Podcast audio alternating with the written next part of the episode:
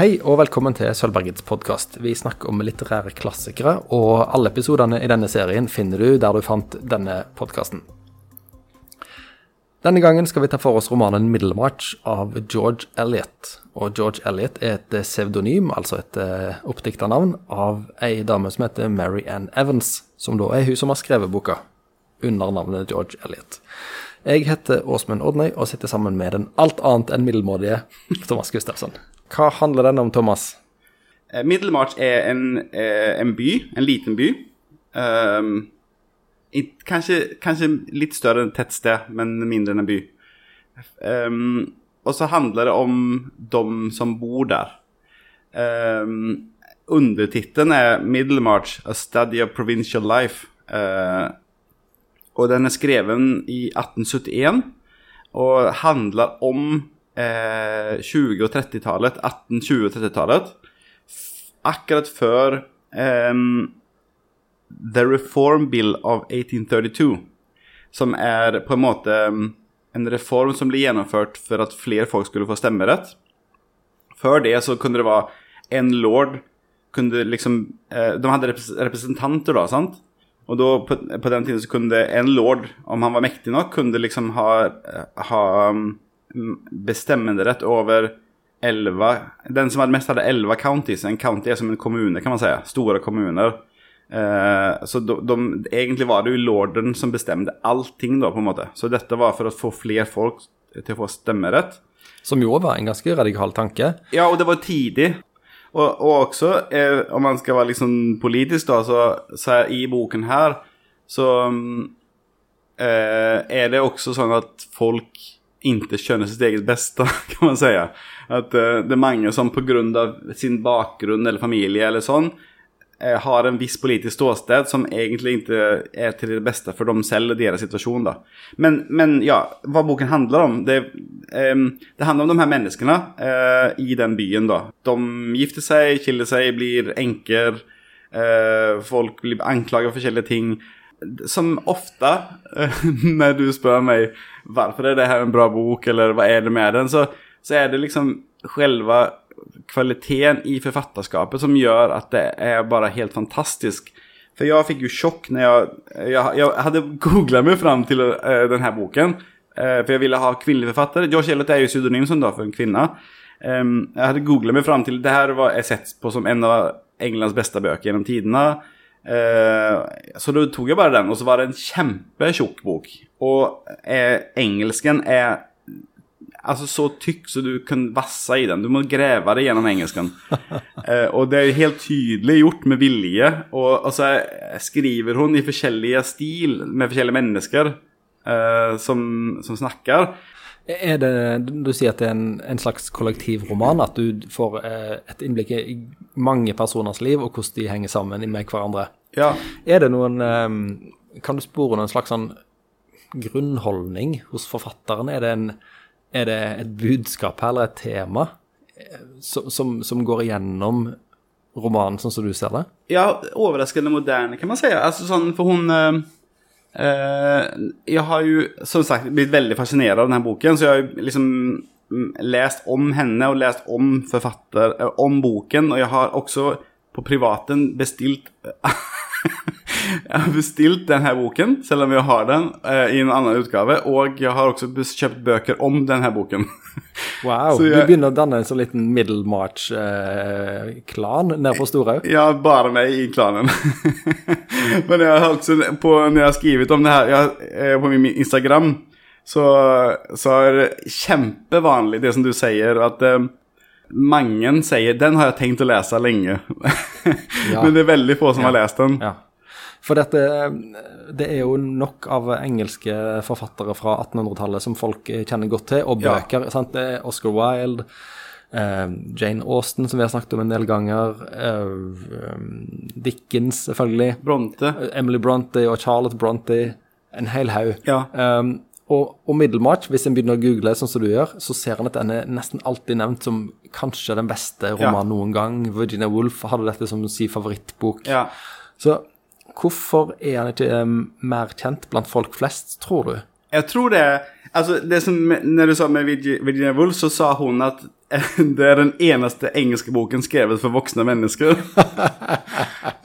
det syns jeg var fantastisk. Og det er jo litt av grunnen. Altså, Jane, Om du tror at du får Jane Austen, så er det ikke det du får. Uh, du uh, Jeg elsker jo Jane Austen. Vi har jo kranglet om det før, du og jeg. Uh, jeg jeg syns Jane Austen er super, men det er, jevnført med dette så er det underholdningslitteratur. Uh, Middlemarch går mye dypere og føles mye mer ekte uh, i følelsene. Det, det er mindre teat teatralsk, mindre oppskriftsmessig oppførsel. Uh, det er ikke så tydelige typer, liksom. Alle har en bakgrunn som de kanskje, kanskje ikke får betale eller før, eller sånn da. Og de, om du jevnfører med f.eks. Uh, Stolthet og fordom, så så er det jo kjærlighet i denne boken også.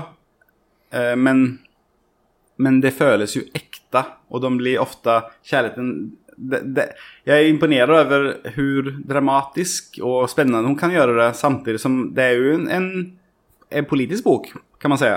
Og veldig morsom. Kjempemorsom. Eh, men den dybden i boken er, er imponerende. Mm. Og jeg kan tenke meg at den er ikke så lettlest som eh, en Jane Austen, eksempel. Ja, er det sånn at du måtte satt og notert underveis? Hvem ja, var han igjen? Hva var han igjen? Ja. Du må hive, hive mobilen og kjøpe ny. mobilen er full. ja.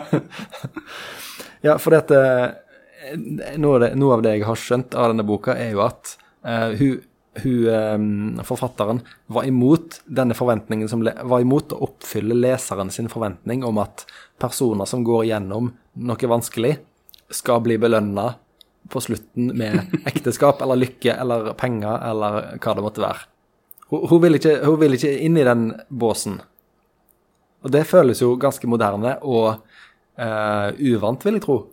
Ja, altså jeg, jeg føler jo at Nå har ikke jeg må bekjenne da til de som hører på, at jeg har ikke hunnet lese ferdig den ennå. Jeg har et lite stykke igjen, så jeg er ikke helt sikker på hvordan allting slutter. Eh, men forfatteren er jo superintelligent. Og det viser jo gjennom hele boken. Hun er så smart, og liksom plottelementene hun bruker, er så moderne. Så jeg føler det, det fins ingen klisjeer i den, liksom. Og om det er noen klisjeer, så er det fordi at hun fant dem på, liksom. Folk får belønning, og folk blir straffa, men det er ikke alltid det pga. at det bør være sånn. Det er ikke noen sånn rettvise. Det er noen som går gjennom, livet og er rike for at de stjal da de var unge. Uh, og de blir ikke straffa. Og noen blir straffa selv om de ikke har gjort noe galt, fordi at folk i byen tror at de har gjort noe galt, f.eks. Mm. Ja. Dette minner meg om en historie som jeg ikke vet er helt sann eller presis, men Hollywood hadde lenge en slags uh, et påbud til manusforfatterne sine om at onde personer skulle få sin straff i mm. en film. Altså, mm. det skulle komme for en dag, det som hadde skjedd. Ja. Sånn at den, Husker du den filmen som heter It's a Wonderful Life? Har du sett den? Den som vi viser her før jul? Ja, ja, ja, ja. Den ble Altså, hvis, hvis, jeg husker feil nå, skriv inn og skjell meg ut. Men jeg mener at den eh, var kontroversiell fordi at eh, den ene personen der i, i filmen, han gjør noe eh, stygt. Han stjeler noen penger fra hovedpersonen vår, mm. eh, sånn at det gjør at han blir fattig. Um, men så kom alle naboene og på en måte sørge for at familien får det bra likevel. Men han som stjeler pengene, han blir aldri straffa for det i It's a Wonderful Life. For han beholder pengene? Ja, det, det, det, blir bare han, Filmen slutter uten at han har blitt uh, stilt til veggs. Oh, ja. så, sånn at, at, at uh, Middlemarch har mye av dette her uforløste, eller at ikke alt skal gå fint opp til slutt allerede på seint 1800-tall, eh, høres jo for meg ut uh, som et ganske moderne trekk. Ja. Den er, den, den, altså det som ikke er modernt, er jo uh, kutymen som hun tar for gitt at alle forstår. For i, i våre dager, om du er forelska i noen, så sier du det til dem, eller gjør det tydelig på en, en eller annen måte. sant? Du begynner å følge dem på Instagram. til eksempel trykker like på alt hun legger ut, selv om yes. det er teit. Ja. Men uh, her så er det så mye regler, underforståtte regler. Det, nei, sånn kan jeg ikke gjøre. Og tenk om de tror at de gifter meg, tenk om de tror gifter meg for pengene. Bla, bla, bla. Ja, og, og dette, er jo, dette er vi ofte inne på når vi snakker om klassikere. Men uh, å bygge bro over de 100 og av og til 1000 årene som har gått fra noe ble skrevet til 2021, Ja. Det er en del som forsvinner der, med mindre du er ekspert på, i dette tilfellet, engelske samfunnsforhold på 1820-30-tallet. Ja. Og det er jo de færreste av oss, selv om vi, vi tror kanskje at vi forstår en hel haug, og så forstår vi bare en bitte liten del. Ja. Så- Jeg, jeg, jeg syns jo på en måte Jeg, jeg skjønner det etter hvert litt mer av det. Men samtidig er det irriterende at folk ikke For det, det som jeg har skrevet eh, i mine notater også, det nøkkelordet er stolthet her. Sant? Det er ikke bare det at du, at, folks, at du skal gjøre det som folk forventer seg, det er også stolthet. Og noen av de her karakterene er veldig intelligente. veldig f- Altså, eh, flere av damene her er ikke for du forvente seg en undergiven dame fra 1830-tallet skal være. Veldig egenrådig, men plutselig eh, De er bare egenrådige når det, det kan styrke dem selv. Ja. Om, om, det, om det gjelder deres ære, på en måte, så er de plutselig veldig nøye at alt skal gå riktig til. Eh, så, og det handler om den stoltheten, da, at de ikke vil at noen skal kunne se ned på dem. Ja. på en måte. Og da, det, det er jo liksom det samme med Stolt fordom og alle de her Jane Austen-bøkene. Det, det anseendet er verdt så utrolig mye, liksom. Ja. Vi, jeg forberedte meg jo litt til denne podkasten jeg òg, på mitt vis. Og det jeg oppdaget når jeg begynte å, å se på, på det økonomiske ved denne tida, eh, opp mot det, disse romanene, er jo at det er jo skrevet veldig mye f.eks. om økonomien i Jane Austen sine bøker. Bare forklare pengeflyten. Bare forklare Ja, men sånn eh, Hva betyr det at Mr. Darcy har 10 000 i året? Er han Ja. rik? Er han fattig? Er han midt på treet? Nei, han er liksom i topp 1% Han er dritrik. Ja. Men det forstår ikke jeg som 10 000 pund. Ja, det er sikkert bra, det. Ja. Og det, det fins sikkert lignende artikler om eh, Middlemarch og den økonomiske virkeligheten. Der, Ja. Og dette, dette, dette kunne jeg tenkt meg å sette på, eh, på Coconomics. Sant? Ok. Økonomifestivalen her. Ja. Tatt en, en, en eh, roman, da, jeg trenger ikke være så gammel, men en litt nyere roman eller et forfatterskap, og lest det med pengebrillene på. Mm Hva Hvilken rolle spiller penger i Ja. bøkene til Dag Solstad? Ja. Eller forklare, forklare disse bøkene ut fra et økonomisk perspektiv? Hvordan styrer økonomien valgene til hovedpersonene? Det er jo kjempeinteressant. Ja, det er det. Og eh, særskilt i de her gamle engelske bøkene, for der er, det, der er allting Vi har jo snakket om dette på forhånd litt, og da er det sånn Du sa at eh, det er liksom Allting er styrt av penger, men du sa det at eh, at alle elsker penger, men samtidig så er det liksom skittent, sant? Du skal, du skal bare ha de. Ja. Du skal ikke tjene de ved, ved, ved um, aksjespekulasjon eller ved hardt arbeid eller ved gründervirksomhet eller eh, sånne ting. De skal bare være en del av eh, på en måte slekta di eller Ja. din verden. Det, Ja. Pengene de bare er de, akkurat som en høyre og venstre fot. De Ja. bare uh, I denne boken da, så, så For det, det som skiller seg ut litt også, jämfört med et eksempel, Nå blir Jane Austen vi tar som eksempel hele tiden, men det er jo fordi at det er veldig kjent for folk. Ja. Eh, Her så får man ikke bare lære kjenne de rikeste, du får også lære kjenne neste hakk nedover. Og så får du vite også, kommer du borti noen av den skitne pøbelen. Som du spurte meg, liksom, for hun Du, eh, du har spurt mange spørsmål jeg jeg snakker meg vekk fra dem, men hen, politisk sett så er hun kanskje litt kommunistaktig. Um, hun var på eh, Nord sin side i amerikanske borgerkrigen, for hun var veldig motstander til slaveri. Så hun, hun har mange av de, eh, de eh, pregen, da. Men samtidig så, i denne boken, da, når hun skriver om de fattige, så er hun ganske nedlatende, kan man si. Så, sånn som en av de tingene eh, For i tillegg til at det er rundt den reformen eh, med, med stemmerett, så så er det også når de første jernbanene begynner å komme. Eh, og da er det opprør blant de fattige fordi at eh, jernbanene skal gå over deres eh, åkrar, da, eller sånn. Og så sier ja, Nå har jeg lest den på engelsk, jeg bare regner med at det går fint.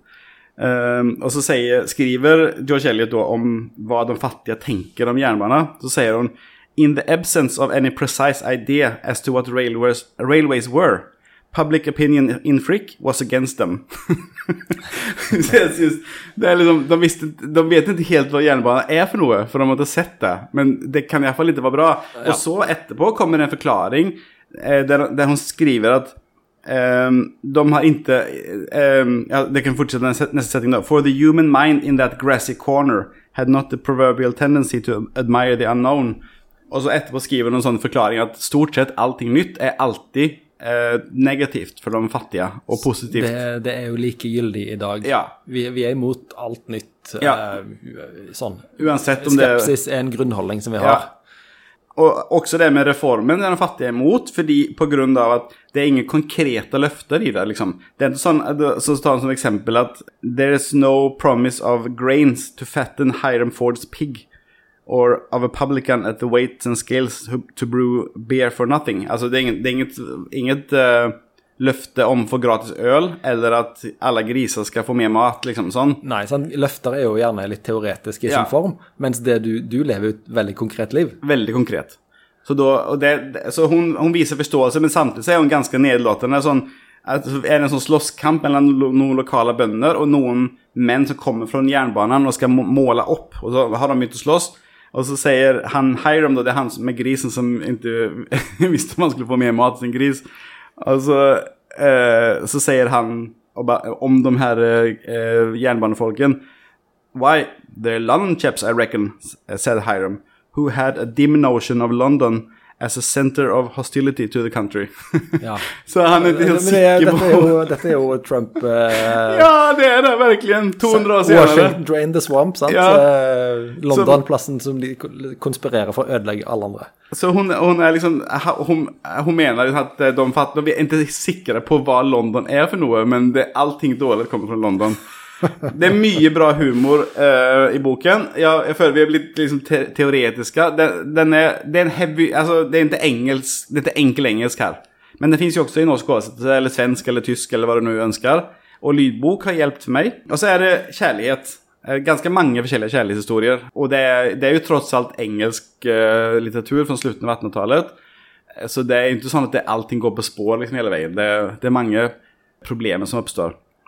Så konflikter og sånn. Eh, Så til eksempel en man som sier at han er bare 23 år.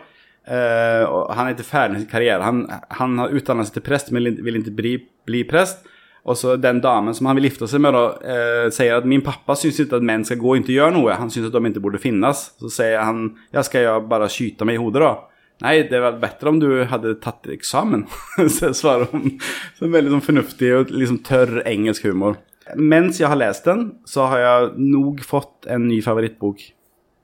Oi, Og det er den. skal jeg si.